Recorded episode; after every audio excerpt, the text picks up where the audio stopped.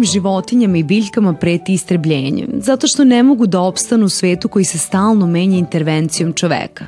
Mnoge vrste su već istrebljene, a ako ljudi ništa ne preduzmu da ih spasu, mnoge će nove vrste slediti isti put. Da bismo saznali nešto više o ugroženim vrstima, naše školske zelene novinarke Sara i Lana Jovović posetile su Pokrinjski zavod za zaštitu prirode u Novom Sadu i tamo saznale mnoge važne stvari.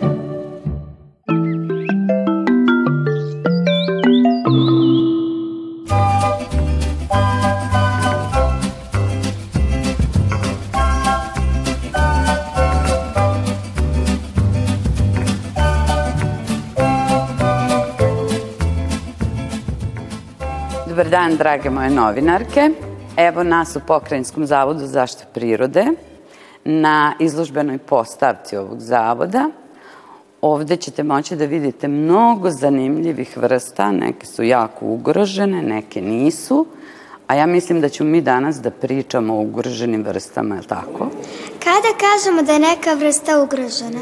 E da, treba prvo da razrešimo šta je to ugrožena vrsta i kako mi uopšte e, dođemo do saznanja da je neka vrsta ugrožena. E, pa to je jedan proces koji su smislili biolozi iz celog sveta, a to je posmatranje da li kod neke vrste e, primećujemo da je sve manja brojnost te vrste. Znači, populacije jedinke jedne vrste kad dođe trenutak da se smanjuje njihova brojnost, a za to mora mnogo istraživanja, onda mi kažemo da je sad ta vrsta na određen način ugrožena. Zatim mi dalje gledamo da li, kako se ta vrsta razmnožava, da li je to inače kako je bilo nekim normalnim procesom ili se ta, to, e, e, taj proces razmnožavanja takođe smanjuje. Zatim gledamo kakva su staništa tih vrsta, da li se one smanjuju, što sve naravno utiče, posle ćemo videti na koji način e, na brojnost te vrste i uopšte na opstanak vrste. Znači, sve su ovo faktori da kažemo da je neka vrsta ugrožena. Svetska unija za zaštitu prirode je zajedno u saradnji sa velikim brojem naučnika biologa osmislila crvene knjige ugroženih vrsta, crne knjige ugroženih vrsta, dok se na crvenim knjigama nalaze ugrožene vrste iz razno raznih razloga i stepeni njihove ugroženosti. Jer znate, neka vrsta može da bude jako ugrožena e, do te mere da joj preti izumiranje. Neka može da bude zavisna od nekakvih mera zaštite. Neka vrsta može da bude ranjiva. A one crne knjige govore o vrstama koje su izumrle i kojih više ne možemo da vidimo na ovoj planeti ili uglavnom, na planeti celoj. Znači, nema više te vrste i mi kažemo da je ona izumrla, što je e, tragedija za celo čovečanstvo, ali dešava se. Dakle, e, to su nekakvi indikatori e, kada možemo reći da je vrsta ugrožena. Znači, u toj ugroženosti mi imamo nekakve stepene i nekakve pokazatelje da li možemo nekim merama zaštite da tu vrstu spasimo ili ona ide ka, ka tome da potpuno iščezne ili da izumre.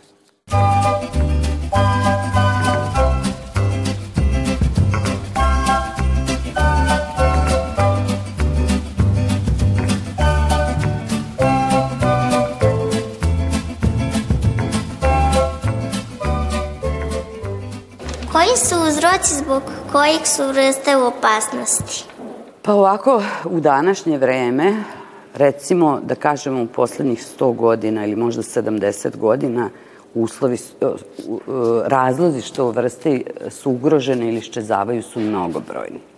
Navešćemo ovde sad samo neke koji važe naravno i za našu zemlju ili za prostor ovog regiona ili Evrope, a to je prvo vama je poznato da prva stvar koja se dešava je seča šuma. Znači, svuda u svetu se seku šume i ostaje prostor koji je potpuno devastiran. Znači, kad posečete jednu šumu, više tu nema ničeg. Sve one vrste koje su bile vezane za tu šumu, sve ptičice koje su se gnezdile u deblima, sve životinje koje su ulazile u duplje i tu živele, sve one, e, sve oni insekti koji su e, oko drveća živeli u zemlji, na površini zemlje, nestaju. Znači, mi smo potpuno jedno stanište uništili i sve te vrste sad moraju da traže nekakvo drugo slično stanište. E, pošto se na planeti dešava da se veliki prostori šuma seku i da sve ostaje golo, tako su, zbog toga su mnoge vrste ugrožene. Sledeća stvar je poljoprivreda. To vidite i kod nas. E, veliki prostori koji su obrađeni, veliki prostori zemlje. Zašto se šuma krčila između ostalog? Ne samo da koristimo drvo, nego i da oslobodimo prostor za poljoprivredu. To vam je Vojvodina najbolji primer za to. Nekada je Vojvodina bila šumovita, bilo je mnogo šume, hrastovih šuma, divnih.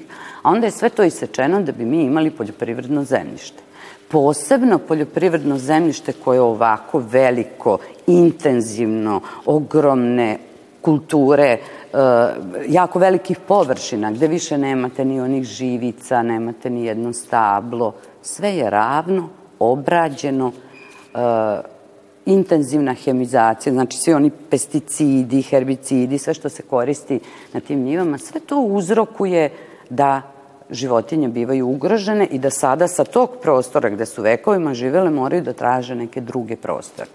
Mi smo civilizacija koja u abnormalnim količinama koristi plastiku. E, I moramo znati da sva ta plastika koja stiže u zemlju zagađuje i zemlju i vodu. Znači, to je još jedan problem koji čovek pravi. Sledeći problem je što raznim vrstama zagađenja mi praktično zagađujemo i vodu i vazduh i zemlju.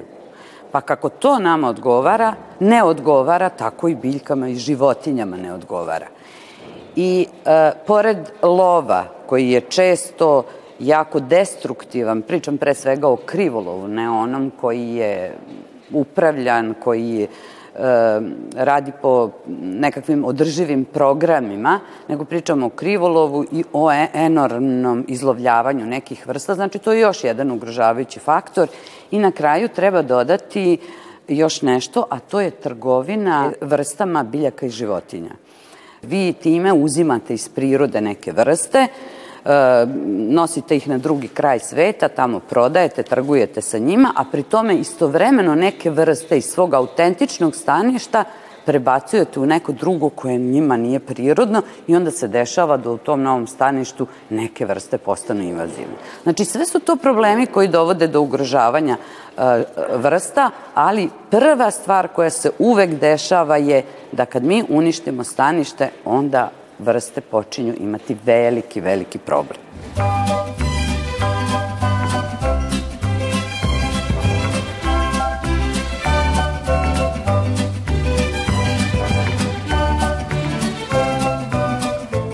Kako izbeći izumiranje vrsta?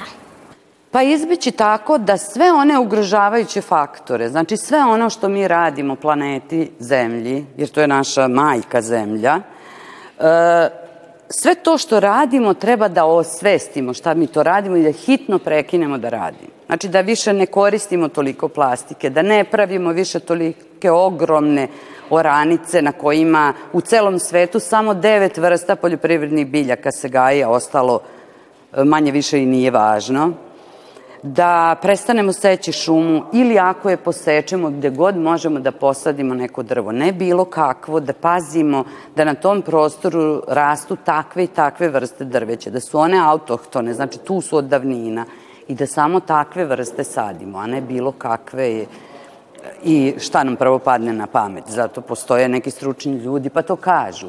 Znači sve ono što smo govorili da su ugrožavajući faktor sve to da prestanemo raditi, da prestanemo regulisati reke, da prestanemo podizati nasipe, betonirati ih i tako. Znači sve to što je ugrožavajući faktor, ajde da svedemo na najmanju moguću meru, a neke da potpuno izbacimo.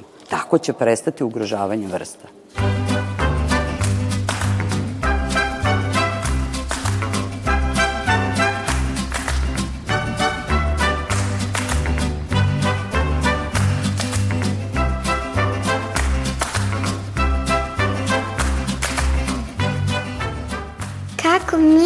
Kao pojedinci možemo da pomognemo ugroženim vrstama?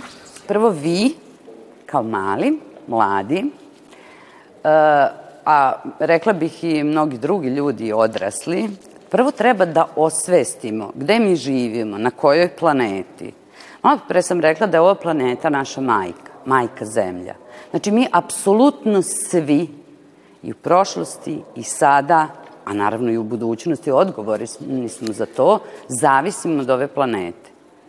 Što manje ugroženih vrsta, što manje staništa koja uništavamo i koja nestaju, to ćemo lakše, lepše i bolje živeti na ovoj planeti. Znači šta je vaše? Da sve to osvestite, da shvatite i da, jer vi ste sigurno budućnost ove planete, vi ste e, neke, neki e, odrasli ljudi u budućnosti koji sigurna sam će imati potpuno drugačiji odnos prema svojemu ovome i prema svim ovim problemima i vi ste neko ko će prosto ovu planetu koju smo doveli do jako velikog ugrožavanja e, je negde regenerisati, tako da kažem. Znači, vi ćete, e, dragi moji novinari, vi i vaši vršnjaci, a to ćete pričati i vašim roditeljima i bakama i dekama i prijateljima, da moramo da imamo visoko razvijenu svest, da ne bacamo plastiku, da ne uništavamo prirodu e, bacanjem otpada, bacanjem svačega u reku, da, da govorimo starim ljudima stanite, nemojte više toliko poljoprivrede. Zamislite da na ovom prostoru Vojvodine seda, između 70 i 80 procenata su poljoprivredne površine. Pa šta onda ostaje za one neke male oaze prirode? Znači, e, da podižete kućice za slepe miševe, za ptice, da objašnjavate ljudima da slepi miševi se ne kače u kosu, ne ujedaju ljude, da su oni divne životinje, nama korisne životinje ako ne mogu da shvate njihovu ulogu u prirodi, jer e, bilo bi mnogo, mnogo više insekata e, da nema slepih miševa da jedna lisica koja se spusti u Petrovaradi nije nikakav katastrofa, ne znam šta će nam biti, da je ona tu zato što su ljudi uzurpirali njena staništa na Fruškoj gori i da se spustila zato što nema šta da jede. A da je možda negde i dobro što se spustila jer ona se hrani glodarima pa imaćete manje miševa i pacova. Odnosno, pokušajte da objašnjavate svima da svaka vrsta u u, u tom lancu ishrane ima svoje mesto. Jer ne postoje pčele samo zato da bi pravile med i da bi mi o, jeli med, nego postoje zato da oprašuju biljke. A te biljke opet služe da neke životinje koje jedu biljke, biljojedi su, da imaju hranu. A te životinje koje jedu biljke opet služe nekim mesojedima, da njih jedu. I to je sve priroda napravila u savršenom balansu. I čovek je taj koji taj balans narušava. Molim vas da to shvatite i kad vam to bude kristalno jasno, onda ćete shvatiti kako se treba ponašati. Hvala vam što ćete to shvatiti.